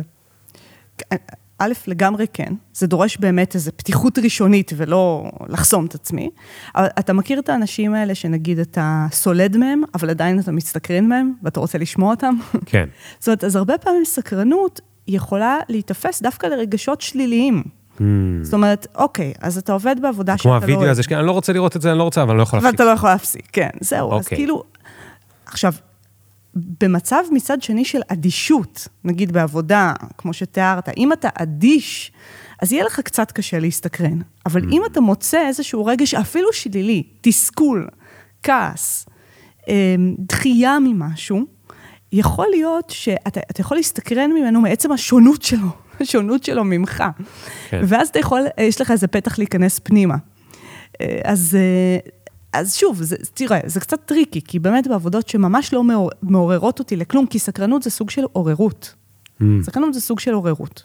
כאילו מה, פיזית. אנרגטית אפילו מבחינת הזה שאני ככה. פחות עייף? ממש, ממש, אוקיי. ממש, יש לזה השפעה פיזית של עוררות. ואם אין לי עוררות בכלל, אדישות, שעמום, אפשר לדבר גם על שעמום, אה, הזכרנו את זה קודם, אז זה קצת, קצת קשה, אבל ברגע שיש איזשהו משהו שאני נותנת לו לעורר אותי, יש מצב שאני אוכל להיכנס ל... למשהו שיניע אותי Hmm. וכן ישאיר אותי בפנים. ומצד שני, אני חייבת להגיד עוד משהו. אם אנשים נמצאים בעבודה שהם אדישים עליה לגמרי, או משועממים ממנה לגמרי, אולי יש אה, צורך לחשוב על שיפט. כן. זה להיות קצת אמיצים בהקשר הזה. כן. ולא... טוב, בגלל זה כאילו רציתי בדוגמה שבה אין לי ברירה, כן, אוקיי? לא יודע, כן. התנאים מאוד מאוד מאוד מאוד מסובכים. אז עכשיו רגע, סליחה, אני הסטתי אותך שבע פעמים, אבל אני חוזר אחד אחורה. את דיברת על סקרנות ועניין, כי דיברנו על למידה. מה, אני כבר לא זוכר, זה היה עניין או סקרנות? איזה מהם יגרמו לי יותר ללמידה? היום, או- ב- או- במחקר הלמידה, בגדול, הקונצנזוס, למרות שכל הזמן יש ויכוחים, אה, הקונצנזוס הוא שלמידה זה אחד, שסקרנות זה אחד מהמנועים החזקים ביותר של למידה. כי שוב, עניין הוא להיתפס למשהו ספציפי, אבל סקרנות יכולה להיתפס להרבה מאוד דברים שונים, והתמריץ ללמידה הוא לא רק הדבר הספציפי שבחרת, אלא עצם הלמידה. זה הדבר המדהים בסקרנות. בסקרנות, מה שמניע אותך להמשיך ללמוד, זה עצם התהליך של הלמידה. מה, ש, מה שכזה תופס אותך, זה עצם הצורך להמשיך לחקור. זה בעצם, אה, סקרנות זה סוג של דחף ועוררות להמשיך ללמוד. זה מה שזה. אני כאילו רוצה לפתוח את הדלת הבאה, ואז לפתוח את ממש. הדלת הבאה, ולפתוח את הדלת הבאה, ולראות מה, מה יהיה שם, מה עוד אני אוכל אה, ל- ל- להוציא מזה. בדיוק, יצא לך פעם שנגיד התחלת, לא יודעת מה, עשית גוגל על משהו, סתם, סתמי, לא יודעת, תסתקרן אותך קצת, ואז כן. לא יכולת להפסיק, ומצאת את שעה אחרי זה. שעה, שעתיים, עדיין בתוך זה, כי אתה רוצה עוד ועוד ועוד ועוד, ויכול להיות שזה משהו בכלל, אני יודעת מה, ראיתי היום בעיתון רולאפס, איזה אה, ממתק עכשיו, שכשהילדים פשוט משוגעים עליו, מין כזה משהו שעוטפים בו גלידה. ו- כן. אוקיי, לא מעניין אותי, אבל התחלתי פתאום לחקור על זה, למה, למה דווקא זה, ולמה דווקא זה תופס את הילדים, ומצאתי את עצמי פתאום שעה קור- קוראת על הדבר הזה שלא מעניין אותי בכלל, אבל הוא, הוא מסקרן אותי. כן. לכן, אז ללמידה, סקרנות והיכולת גם לסקרן את עצמנו וגם כמורים, אם לדבר רגע מהצד של המורה, איך לעורר את הסקרנות, Mm. זה ממש אה, אחד המפתחות הכי חשובים. באופן כללי יותר, הר- הרעיון של רגשות בלמידה, שזה משהו שלא דיברו עליו כל כך בעבר, הוא הופ- הופך להיות דבר מאוד מאוד חשוב היום. מבינים שתהליכים רגשיים של מוטיבציה, הם, הם מהגורמים שהכי משפיעים על למידה, לא פחות מזיכרון, מקשב, מדברים קוגניטיביים כאלה שמסורתית ראו בהם דברים חשובים ללמידה. רגשות הם... את יכולה לפרט יותר איזה רגשות, או מה, באיזה, מה הכוונה? אז אה, זה מעניין, כי אנחנו אולי נוטים לחשוב שרגשות חיוביים, שאנחנו חושבים עליהם כחיוביים, כמו אה, באמת עניין, התלהבות. התלהבות, דברים כאלה, הם עוזרים ללמידה. פאשן, פאשן, כל הזמן. כן. תשוקה, נכון. ושכאילו אה, תסכול ושעמום ודברים כאלה, הם מזיקים. אבל אה, הרבה פעמים רגשות שהם שליליים הם נורא חשובים ללמידה. למשל, תסכול מלעשות טעויות, תחושת התסכול הזאת, שוב, אם היא, אם היא זמנית ומצליחים להתגבר עליה, היא נורא חשובה, כי היא מאותתת לי על הטעות. Mm. היא מראה לי שטעיתי. טעויות זה דבר מאוד מאוד מרכזי בלמידה. אין למידה בלי טעויות, טעויות מגמישות את המוח. פיזית, ומאפשרות לנו ללמוד. ובלי התסכול הזה, בלי היכולת להבין, אה, הנה, פה לא, מה לא, אני, אני לא יכולה ללמוד. אז אה, רגשות זה דבר קצת יותר אולי, אה, אולי מורכב ממה שאנחנו משערים במבט אה, ראשון. עכשיו, יש עוד סוגים של רגשות אה, בלמידה, שהם רגשות שבעבר בכלל לא דיברו עליהם, רגשות כמו להתעצבן מחומר, נגיד, אתה נורא, אתה קורא משהו, לא יודעת מה קורה, איזה עוול שקרה בהיסטוריה, שאתה לומד עליו, ואתה נורא מתעצבן. זה נורא נורא חשוב. זה רגש נורא חשוב, כי הוא אה, צורב את הדבר בזיכרון. כן. הוא mm. מאותת לך שאתה חש התקוממות מוסרית, למשל, וזה מאותת לך על, על היכולת שלך לחשוב על אתיקה. Mm. זאת אומרת, כל מיני רגשות כאלה מאוד מאוד מעורבים אה, בלמידה, ולא רק דברים כמו מוטיבציה או תשוקה. כן. אני דווקא אהבתי אה, אה, שני דברים שעלו לי כשדיברת. למשל, העניין של התסכול. אני הרבה פעמים נהייתי מאוד מתוסכל, נגיד כי הייתי צריך לעשות כבעל עסק משהו רפטטיבי, שוב ושוב ושוב ושוב ושוב. בסוף, מתוך עצבים, הייתי צריך ללכת וללמוד איזה סוג של נגיד אוטומציה, לא משנה, זאפייר, או whatever, במיילצ'ימפ, או בכל, לא משנה, כלים דיגיטליים, הייתי צריך ללמוד how to automate something, כדי שכבר להיפטר מהדבר הזה. זאת אומרת, לא עשיתי את זה מתוך תשוקה לעשות עכשיו אוטומציה ולהימשך לתוך הזה, אלא להפך, אמרתי, טוב, אני אעשה את זה, אני כבר אגמור עם הדבר הזה, פעם אחת זה יהיה מסודר לי, ואני זה, אבל תוך כדי, פתאום גיליתי שאני מתעניין באוטומציה, כי היה שם איזושהי חידה לוגית, לא מסובכת מדי, אבל אני צריך לפתור משהו, אני צריך לעשות מין פאזל קטן של אם אני אעשה A ואז B, אז C יקרה, או, או D, ומה יקרה ב... ב במקרים היוצאי דופן, זאת אומרת, פתאום נהייתה לי חידה, והיא הגיעה באמת מתוך אה, אה, תסכול. והקטע וה, שאמרתי מהעצבים, ושזה באמת נז, נזכרים יותר טוב, זה, זה, זה מהפכני. זאת אומרת, אני מתחיל לחשוב, אולי צריך לפתח, כאילו, יש לך רעיון איך לפתח תוכנית למידה באמצעות עצבים? אה, תשמע, זה מצחיק, אבל באמת אה, למידה חברתית רגשית, מה שנקרא, שהיום אפילו במשרד החינוך זה, זה נכנס, אה, מתחילים לדבר על רגשות, אבל זה נכון שבאמת מדברים על רגשות יותר בכיוון של, של הכלה ושל דברים כאלה, ופחות להשתמש ברגשות וגם ברגשות שליליים, שבדרך כלל מנסים לטשטש אותם, נכון? כן. כאילו איך להיפטר מעצבים, ולא, אני אומרת, בוא נשתמש בהם ונשתמש בהם בלמידה. ומה שאתה אומר נורא מעניין, זאת אומרת, התסכול כמנוע למציאת פתרונות. אה, אני חושבת שלעיתים קרובות, גם במדע, איך אה, פריצות דרך מגיעות? אתה עושה משהו, הדבר הזה לא עובד, אתה מתוסכל ממנו, ואז אתה נאלץ למצוא פתרון, זאת אומרת, מתוך, מתוך התסכול הזה. כן. אז אה, שיטה אחת זה את הרפטטיביות, פשוט להפוך אותה למדיטציה, אז להפוך את זה למשהו שאתה מקבל אותו, או שאתה לוקח את זה כמנוע ליצירתיות ולהמצאה. כן, כן. תגידי, איך, אמרנו לא נקרא להם, אני גם לא אוהב את הביטוי מיומנויות רכות, אני אוהב, היום יותר קוראים להם power skills לפעמים, זה נשמע יותר טוב לדעתי. בוא נדבר על אותן מיומנויות שהן דורשות לא רק העברת ידע, או אפילו תרגול של יכולת, אוקיי, נגיד אה, אה, אם אני רוצה לעסוק בסתם אה, שיווק, אז אני יכול ללמוד למשל רטוריקה לצורך אה, שיווק, אני אלמד כמה טריקים, אני אתאמן עליהם, אני אעמיק, אני אתנסה, אני זה, ובסופו של דבר אני אדע לטעון טיעונים יותר משכנעים, וזה יעזור לי במקצוע השיווק, אוקיי? אבל יש מיומנויות שבהן הלמידה דורשת, אני חושב, אני, זאת אומרת, אני, אני חושב שההפרדה שאני עושה היא נכונה, שינוי התנהגותי, אוקיי? סתם, למשל, אני מתעסק אה, לאחרונה הרבה מאוד בחינוך אה, אה, למנהלים, תוכניות מנהלים, אז אני כל הזמן חושב על זה ש... לידרשיפ, העניין הזה של מנהיגות, או הובלה, או, או חשיבה ביקורתית, או אני לא יודע, כל מיני מיומנויות כאלה, זה לא כמו ללכת ללמד אותי עכשיו אה, אה, איך עושים שיווק, ככה בונים funnel, זה התחלת ה funnel ובסוף עושים conversion. אלא אני רוצה ללמד משהו שיגרום לבן אדם גם יצטרך לשנות התנהגות, או לאמץ הרגלים חדשים, או, או להתנהג בצורה אחרת, להתחיל להיות מודע לעצמו. יש פה כל מיני דברים שהם הרבה יותר אה, מרק משהו טכני. נכון. הרבה פעמים אה, הרעיון הזה של skills זה לא ללכת לפי איזה פרוטוקולים כאלה, אלא לאמץ state of mind חדש. עכשיו, זה יכול להגיע בכל מיני כיוונים. בנושא של, בתחום של הלמידה, אחד הסקילס הכי חשובים, וזו הזדמנות אולי לתת איזה, איזה כלי, אה, זה השאלה איך מאמצים state of mind של לומדים. בתחום של הלמידה זה נקרא מטה-קוגניציה. מה זה מטה-קוגניציה? זה היכולת לדעת משהו על הידע שלך. לחשוב על החשיבה של עצמך.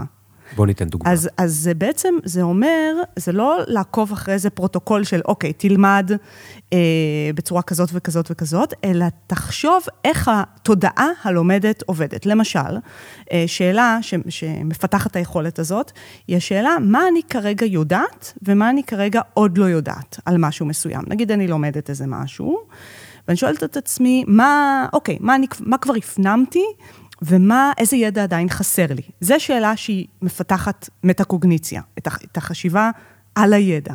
כי למה זה, מה זה עוזר לי שאני שואל את עצמי את הדבר הזה בעצם?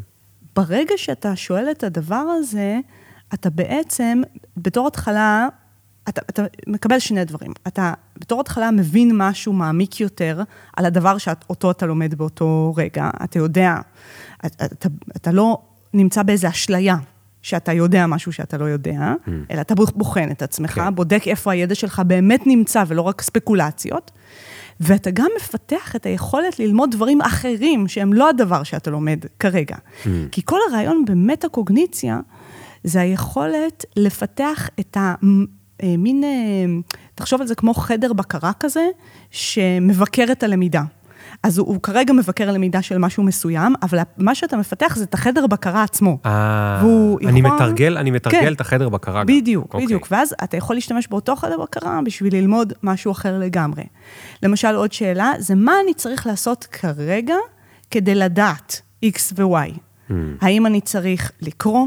האם אני צריך לעשות לעצמי מבחן כדי לא ללמוד בצורה פסיבית?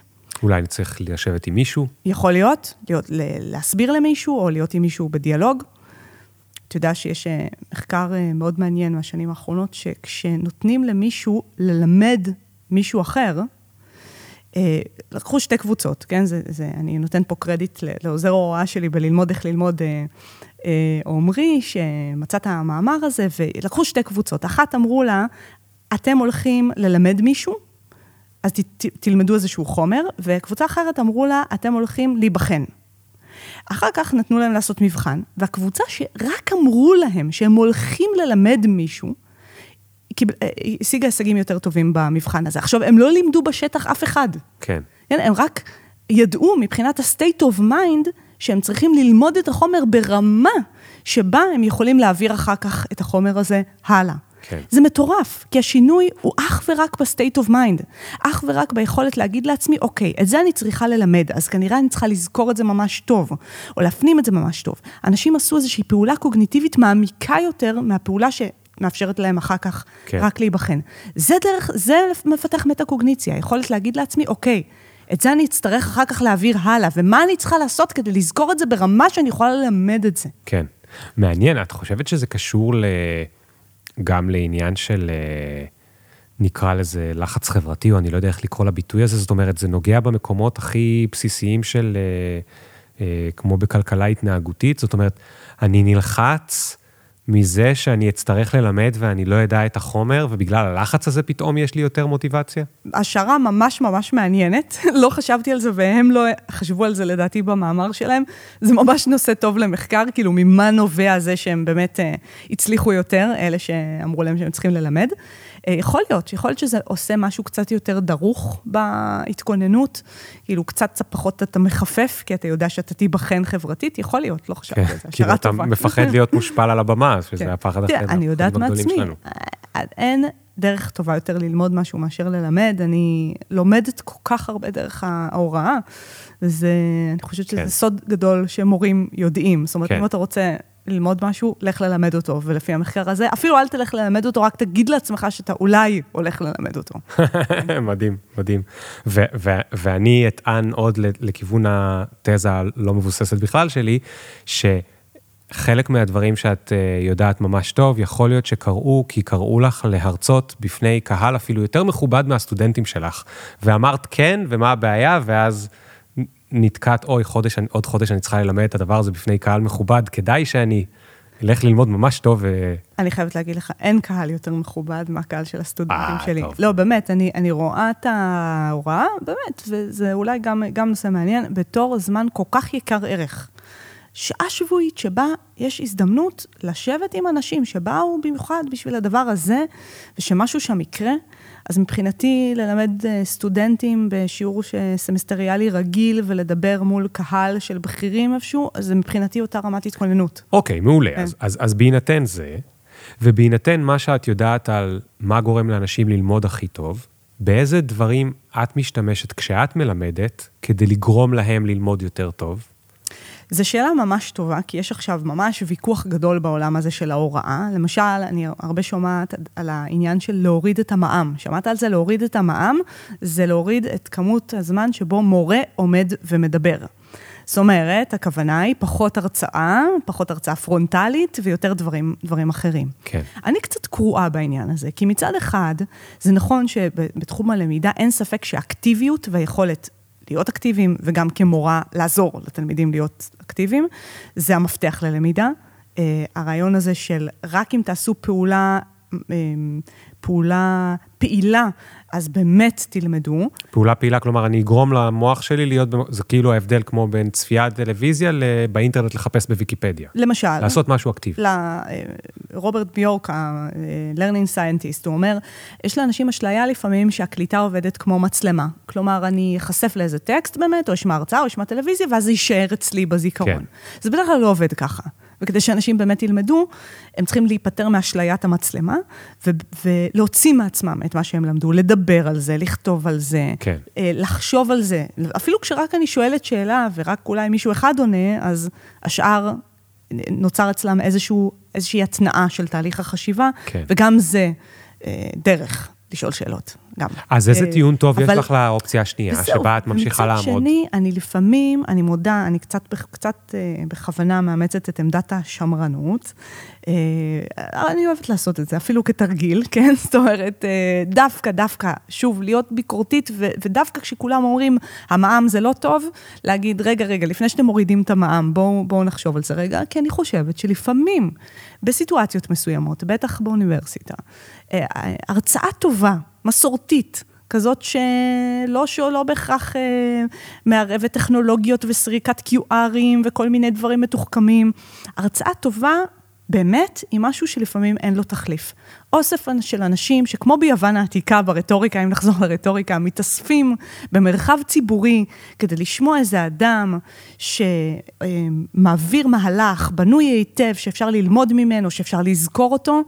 אה, לפעמים זה לא פחות אפקטיבי מאשר אה, כל מיני טריקים טכנולוגיים או אחרים שגורמים להיות פעילה בלמידה, ולכן אני לא ממהרת כל כך להגיד, בואו נזנח את כל הרעיון הזה של הרצאה אה, ו- ונעשה הוראה אחרת לגמרי. כן. אני- אז, אז לא צריך אפרופ- להיות כל כך פטאליים, אפשר גם וגם, אפשר לפעמים ליהנות מהרצאות ולפעמים לעשות אה, את ההוראה בצורה אחרת, וזה תמיד גם תלוי קונטקסט, מה לומדים, איפה לומדים, מתי לומדים. אה, להיות, להיות חכמים ולא כזה אה, רדיקליים, ב, אה, או, או, או להשתמש בחדשנות לשם חדשנות, כן. ולזנוח את הקלאסיקה. כן. אז, אז, אז, אז בוא נדבר רגע באמת על למידה וזיכרון. מה אנחנו יכולים לעשות כשאנחנו מלמדים כדי שנזכור יותר טוב? או מה אנחנו יכולים לעשות כשאנחנו לומדים כדי שנזכור יותר טוב? כן. והאם בכלל צריך לזכור, או שצריך ללמוד דברים שנכנסים לנו לתוך ה... לא יודע מה, לתוך המוח כמו נהיגה, או לתוך הגוגל דוק? אני לא יודע כבר. זה באמת שאלה ממש טובה. בואו בוא נפתח את זה. אני הייתי צריכה עד לא לפני כמה שנים לזכור איך להגיע ממקום למקום, ועכשיו זה אובסוליט, מה שנקרא. אני לא צריכה לעשות את זה יותר כי יש לי תוכנות ניווט, ומזל כי אני מנווטת הכי גרועה שפגשת בחיים שלך. אז שאלה בכלל, האם, האם אנחנו צריכים לזכור דברים בעידן של אה, אינטרנט ובינה מלאכותית, וכאילו, ומה אנחנו צריכים לזכור? עכשיו, אולי באמת הדבר הראשון להגיד על זה, שלזכור, זה לא רק כדי שתהיה לי אינפורמציה בראש, אלא היכולת לזכור דברים היא חשובה בשביל החשיבה. למה? כי, כי לזכור זה לא רק לזכור מידע, אלא לדעת לקשר אותו אחר כך למידע אחר שיש לי בתודעה. הזיכרון האנושי עובד כמו רשת, לא כמו מחסן עם מגירות, ודברים חדשים שאני לומדת מתקשרים לדברים אה, ישנים, וככה נוצרים רעיונות חדשים. ככה כן. אני מבינה דברים לעומק, לעומת סתם מאחסנת אותם בזיכרון. כן. ולכן אני חושבת שגם בתקופה שבה כאילו המידע זמין לנו, אגב, לא כל המידע זמין לנו, צריך להגיד את זה ביושר, אה, לא הכל נמצא באינטרנט. כרגע כששואלים את GPT שאלות, הוא הרבה פעמים עונה שטויות, אז עדיין צריך שיהיה לנו ידע, ידע קשה. אה, אז אני חושבת שעדיין, גם, גם בזמן כזה, שווה לזכור דברים. ואיך זוכרים? טוב, זה עולם שלם, שיחה, שיחה בפני עצמה. אז תני לי רק את הכי טוב. טוב, אז אוקיי, אז תשמע, בשורה התחתונה, כדי לזכור דברים צריך להיות אקטיביים. צריך להיות אקטיביים, זה קשור למה שאמרנו קודם. אוקיי. אה, זיכרון דורש אקטיביות. חשיפה פסיבית לידע כלשהו לא מבטיחה שהדבר הזה יישאר בזיכרון, שוב, אשליית המצלמה. זה אשליה. כן. אז אה, איך אנחנו אקטיביים? פה יש המון המון, אה, המון שיטות, דברים שאפשר לאמץ. אז דבר ראשון, הרעיון של השליפה האקטיבית. זאת אומרת, במקום לקחת איזה טקסט שאני צריכה ללמוד אותו ולקרוא אותו עשר פעמים, לקרוא, הרבה פעמים זה דבר שהוא לחלוטין לא יעיל, זה נקרא גם אשליה של המידה. זאת אומרת, נדמה לי שאני לומדת, אבל אני לא באמת לומדת. יכול להיות שבפעם העשירית אני אזכור איזה עוד שני משפטים, אבל אם אני באמת רוצה ללמוד ולהבין, אני צריכה להוציא את זה מעצמי, לשים את הטקסט הזה בצד, לדבר על זה, לכתוב על זה, לענות על שאלות, לשוחח על זה, זה הכי טוב. ההפך מלשנן. ההפך מלשנן, ממש ככה. זאת אומרת, אני צריכה לעשות איזושהי פעולה, פעולה פעילה. אה, יש גם טריקים של זיכרון, ש... עוזרים, אה, עוזרים לקחת מידע חדש ולקשר אותו למידע קיים. אם הזיכרון הוא רשת, בעצם אומר שאני אזכור משהו, כאשר ייווצר איזשהו קשר בינו לבין משהו שאני כבר, שכבר יש לי בזיכרון. Mm. עכשיו, איך יוצרים קשרים כאלה? אה, יש דבר כזה שנקרא אמצעים נמונים, לא יודעת אם מכירים, אמצעי זיכרון, שנגיד תחשבו על, אה, תחשבו על... אמ, צלילי המוזיקה, שהיא שרה פתאום שיר עם הילדים והיא רוצה ללמד אותם את הדו רמי, אז uh, היא לא מלמדת אותם, אוקיי, יש דו ואחרי זה רה ואחרי זה מי, אלא היא מחברת איתם שיר, דו הוא דוב, כל, כל מיני דברים כאלה, ולכל אחד היא מצמידה איזו אסוציאציה. כן. כן? אז אסוציאציות עוזרות לזכור, צלילים עוזרים לזכור, זה לא סתם שמחברים לפעמים שירים, כן. כדי לזכור הרבה מאוד, uh, הרבה מאוד מידע. שמעתי שגם ריחות, לא שאני יודע אם זה יכול לעזור לזיכרון ידע, אבל... אה, חושים, קישור בין איזשהו מידע שאני לומדת לבין אה, זיכרון חושי, לגמרי עוזר, אה, עוזר לזכור.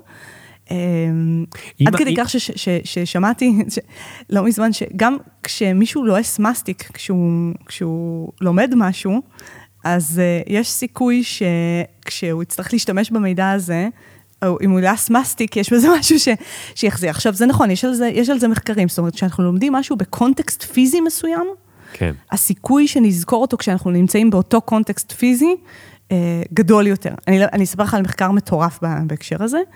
אה, לקחו אנשים, ונתנו להם ללמוד לאיזשהו מבחן, ולקחו קבוצה אחת רגילה, וקבוצה שנייה נתנו לה לשתות אלכוהול. עכשיו, בתוך הקבוצה ש...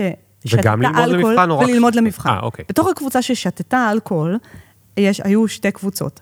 אחת ששתתה אלכוהול כשהתכוננה למבחן, וגם ממש לפני המבחן, ואחת ששתתה אלכוהול כשהתכוננה למבחן, אבל לא ממש לפני המבחן. עכשיו, כן. הקבוצה שלא שתתה בכלל, הקבוצה השנייה, אה, כמובן הצליחה טוב יותר בכל הפרמטרים, אבל מבין אלה ששתו אלכוהול, הקבוצה ששתה אלכוהול, ששתו אלכוהול גם כשהם התכוננו למבחן וגם ממש לפני המבחן, הצליחו טוב יותר מאלה שלא שתו אלכוהול לפני שהם עשו את המבחן, בגלל ההקשר הפיזי כן, ה- הדומה. עכשיו, זה לא, זה לא המלצה לאנשים לשתות אלכוהול לפני שהם עושים מבחנים, זה רק מראה עד כמה הכישורים למקום, לגוף, אה, קשורים לתהליכים קוגניטיביים. כן.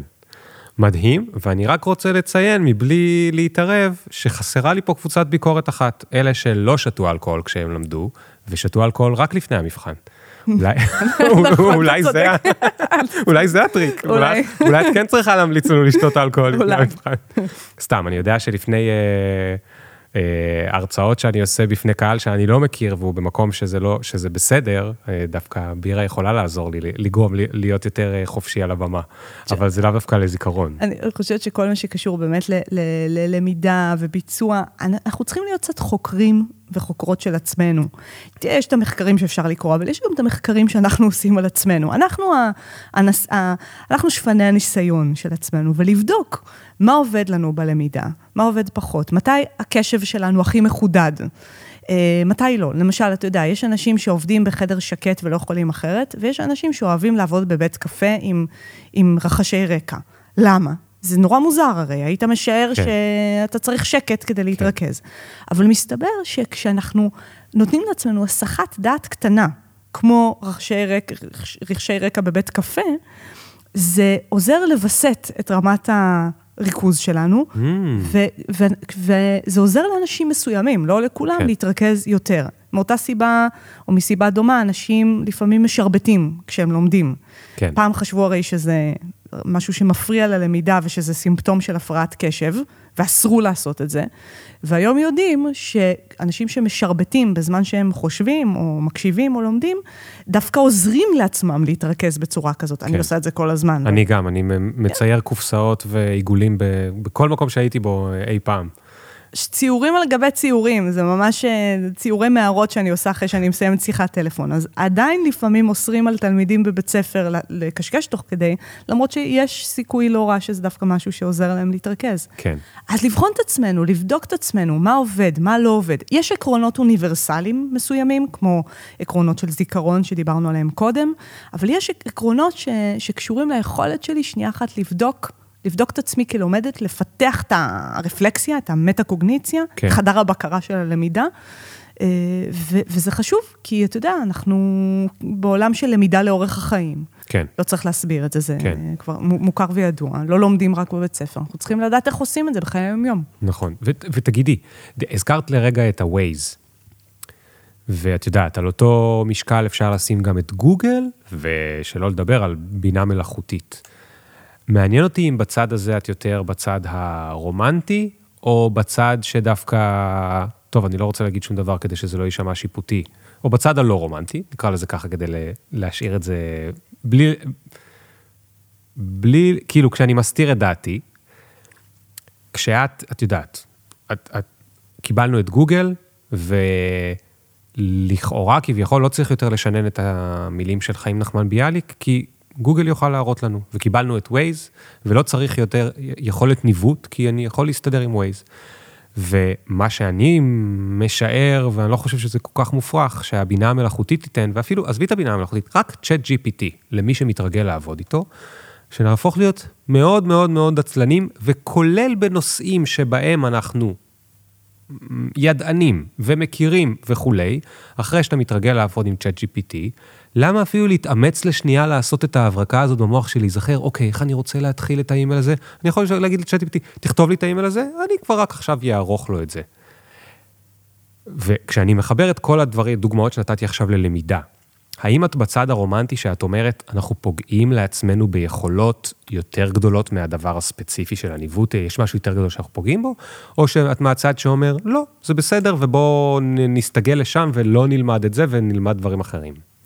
זו שאלה גדולה, אני חושבת, האם עצם העובדה שהטכנולוגיה יכולה לעשות דברים מסוימים טוב יותר מאיתנו, אומרת שאנחנו כבר לא צריכים ללמוד את הדברים האלה, או, או לא. זו באמת שאלה, זו שאלה פילוסופית שאני מתחבטת בה, ואין לי, לי תשובה חד משמעית, אבל אה, אני הייתי אולי מפרידה את, אה, את עצם האפשרות להוציא תוצרים טובים, נגיד עם GPT, ושלא תהיה טעות, אני משתמשת בזה, אני ממליצה לתלמידים להשתמש בזה בצורה כן. ביקורתית ומבוקרת, אז אפשר להוציא תוצרים טובים. אה, לבין עצם היכולת שלנו אה, ללמוד, נגיד לכתוב ולקרוא, שזה משהו שאי אפשר לעשות בו קיצורי דרך. כלומר, אם אנחנו עכשיו נפסיק לקרוא ולכתוב, וניתן רק ל-GPT לייצר תוצרים כתובים, אנחנו לא נדע לקרוא ולכתוב. כי קריאה וכתיבה מאלצת אותנו לקרוא ולכתוב בשטח, להיות כן. אקטיביים בהקשר הזה. עכשיו, האם אנחנו רוצים להיות אנשים שלא קוראים וכותבים ונעזרים רק בתוכנה בהקשר הזה, או האם אנחנו רוצים להמשיך להיות אנשים קוראים וכותבים? זו שאלה. כן, זו שאלה פילוסופית. כן. אני תוהה לגבי הבת שלי, שבת ארבע, האם היא תצטרך, היא, היא לומדת עכשיו קצת לקרוא ולכתוב, אבל האם היא צריכה את זה? I don't know, אולי הכל יהיה מצוין אה, באודיו, היא תוכל לדבר והיא תוכל להקשיב, או לראות, ו- וזהו, ו- וזה יספיק, אני לא יודע. אבל בוא נשאל את השאלה... ואולי תקבל את זה בשבב לתוך המוח. זו השאלה, מה זה תצטרך? זה, זה כאילו מה שמעניין אותי כאן. תצטרך... כדי, כדי לשרוד. זהו, נגיד לשרוד, כדי לקבל עבודה, או כדי להיות אדם משכיל. זאת אומרת, כן. מה... על מה המטרה? נכון. לאן אנחנו הולכים? כי העניין של קריאה וכתיבה זה לא רק משהו שמשמש משהו, זה גם משהו שעוזר לנו לחשוב. זאת אומרת, אנחנו חושבים דרך השפה. ככל שהשפה שלנו עשירה יותר, אנחנו חושבים בצורה מורכבת יותר ועשירה יותר. מה שאמרתי עכשיו הוא שנוי במחלוקת, אבל בסדר, כן. אוקיי? לא, אני... שנוי במחלוקת שזה לטובה. זה... לא, 아, לא, 아, גם זה שנוי במחלוקת. שנוי במחלוקת, אוקיי. האם בהכרח אדם עם שפה עשירה אוקיי. יותר חושב טוב יותר, זה, זה, mm. זה ויכוח עתיק יומין, אבל אני באופן כללי חושבת שככל שלאדם יש יותר מילים, מושגים, אה, ניסיון עם, עם ניסוחים, עם טיעונים, אז החשיבה מורכבת, ביקורתית יותר, אה, וזה משהו שיש לו ערך בפני עצמו, בלי קשר לשאלה האם זה משמש אותי לטובת עבודה כזאת או אחרת. כאילו, אז אני אומרת, יש לזה ערך, ערך כשלעצמו. וזו שאלה, זו שאלה, האם אנחנו נתעקש, וזה דורש, אם אנחנו רוצים, אם התשובה שלנו היא כן, אנחנו רוצים להמשיך להיות אנשים כותבים וקוראים, כי זה... ולנסות לתת fight למכונה, למרות הידיעה שהיא עושה את זה יותר טוב מאיתנו, זה ידרוש מאיתנו לאמץ מה שקוראים בתחום הלמידה, desirable difficulties, או עכבות טובות, קשיים מרצון. ועכבות טובות זה היכולת אה, להקשות על עצמי בכוונה, למרות שאני יכולה לעשות משהו יותר בקלות, hmm. כדי ללמוד משהו לטווח הארוך. זה מושג של רוברט ביורק. זה כמו שאני אנסה לפתוח את הדלתות בכוונה ביד שמאל, סתם כי אולי המוח שלי יהיה לו יותר טוב, כי אני רגיל לעשות את זה רק בימין? כן, ממש. או שאני אתעקש לנווט בעיר, כדי להכיר טוב את העיר, ולא להשתמש בווייז, למרות שהווייז אה, כן. נמצא שם. אז אה, מה שאני לא עושה. אבל אה, אז השאלה, זה ידרוש מאיתנו, מה זה איפוק? כי כבר עכשיו, תקשיב, עזוב הילדה בת ארבע וגם הילדה שלי, גם, גם אני, אני, אני גם מתפתה לפעמים להקליט ולעשות את הקיצורי דרך האלה. זה דורש כוח רצון uh, מטורף, וזה שלא שאלה, לעשות, כן. של, שלא להשתמש ב... נגיד, כן. ב... וגם עכשיו הייתי צריכה, אני נוסעת לפריז לחצי שנה, בקרוב, והייתי צריכה לכתוב איזה מכתב, מוטיבציה למשהו, וכתבתי אותו עם GPT, נתתי לו לכתוב. זה דבר שהוא מעולה בו, וידעתי שהוא יעשה את זה יותר טוב ממני, אז אמרתי, למה עכשיו להתחבט בזה? כן. מצד שני, לדברים שקשורים למחקר, שאני יודעת ש-GPT נותן לי טעויות. וגם שאני, אם אני עושה את הקיצור דרך הזה, אני קצת אה, מנוונת את היכולות שלי, כן. לא עשיתי את זה. כן. אבל זה דורש, וואו, זה דורש מאיתנו משהו שאני לא בטוחה שנעמוד בו. כן, נכון. גם נגיד אנחנו יודעים ששפות זה משהו שמפתח את ה... זהו, ילדים נגיד שגדלים בבית שיש בו שתיים או שלוש שפות, אז בשנים הראשונות בכל מיני מובנים שאני לא יודע לתאר אותם בצורה אקדמית, אבל המוח שלהם מתפתח בצורה יותר אה, זה, כי הוא לומד patterns, וזה בכלל לא משנה אם אחר כך הם יזכרו, יזכרו את השפות. זה בכלל לא משנה. העיקר שהמוח למד לזהות patterns של שפות, ובעוד אני אומר את זה, עם גוגל טרנסלייט כפול אודיו, אני לא מדמיין שלבת שלי בגיל 20 תהיה איזושהי סיבה ללמוד שפות, היא תוכל לדבר באיזה שפה שהיא רוצה ויבינו אותה בכל מקום. דג בבל יהיה, כבר יהיה שם. כן. תראה, מה שבעיקר היכולת של דו-לשוניים לעשות, זה ללמוד עוד שפות. זאת אומרת, אם אתה דו-לשוני, אז אתה, אתה רוכש את עצם היכולת ללמוד mm. שפות, שפות נוספות. אבל יכול להיות שלא יהיה צריך בגלל התרגומים, ובאמת אה, המחסום הזה הוא, הוא כבר לא יהיה. כן. זו שאלה, שאלה גדולה, אני, אני מאוד מאוד מתחבטת בזה, היית צריכה... ופה אני... אוקיי, את כן. לא צריכה לנבא, ואני לא, זה לא שאת מוקלטת, כאילו את מוקלטת, אבל את יודעת, עוד מעט גם AI יחליף את הפודקאסטים. וזה, כן. את מוקלטת לנצח, לנצח נצחים, אני שולח את זה מחר לחלל, כדי שזה יישמר שם. אה, ואת צריכה בכל זאת להמר על skill אחד, שאת אומרת, זה skill שאני חושבת שהוא לעולם אה, יהיה בעל ערך. מה הדבר שהכי, אפילו אני שואל אותך כאילו מהבטן, מה הדבר שאת חושבת שהוא ה skill הכי חשוב? אתה שואל, מה יהיה חשוב בעולם? לא, או... מה בעינייך אפילו בעיני עכשיו? חשוב? skill שהוא, כ skill, לא כן. מקצוע או תואר או זה, mm-hmm. כ skill שהוא valuable. הרבה יותר ממה שאנשים כן, דווקא יש לי תשובה, אני חושבת, ואני חושבת שזה בדיוק מה שאנחנו עושים עכשיו, זה ה skill של השיחה. ושיחה זה אחד ה skills העתיקים ביותר, מסוקרטס, ועוד אפילו לפני. עצם היכולת להכיר את צורת החשיבה של מישהו שנמצא שם, ש... של האחר, להגיב אליה בצורה ספונטנית, לחשוב תוך כדי שיחה. אני חושבת שזה אחד ה skills הכי אנושיים שיש. עכשיו, בואו נשים על השולחן, זה גם משהו שהבינה המלאכותית אה, והטכנולוגיה אה, מאיימת, לא יודעת אם לחסל, אבל לפחות לשנות. בואו ניקח למשל את נוירלינק של אה, אילון מאסק, שבעצם אומר לנו שבקרוב נקרא מחשבות. זאת אומרת שהשיחה תתחלף בתקשורת יותר ישירה מ mind ל mind. זה משהו שאני חושבת שחבל אם הוא יקרה. זאת אומרת, חבל אם אנשים לא ישוחחו אחד עם השני ויפתחו מחשבות תוך כדי שיחה, ויחליפו את זה באיזשהו מעבר של אינפורמציה ממוח למוח. כי במהלך שיחה אנחנו לא רק מעבירים אינפורמציה, אנחנו חושבים.